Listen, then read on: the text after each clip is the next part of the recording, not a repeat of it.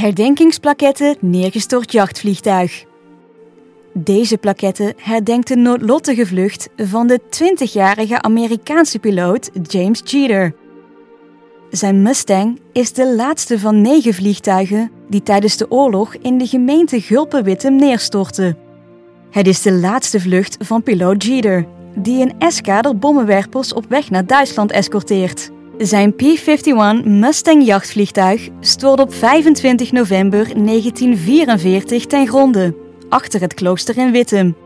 Als er meer bekend wordt over de crash, vindt chef Kramer van Heemkundevereniging Wittem het toepasselijk om de Amerikaanse piloot te herdenken.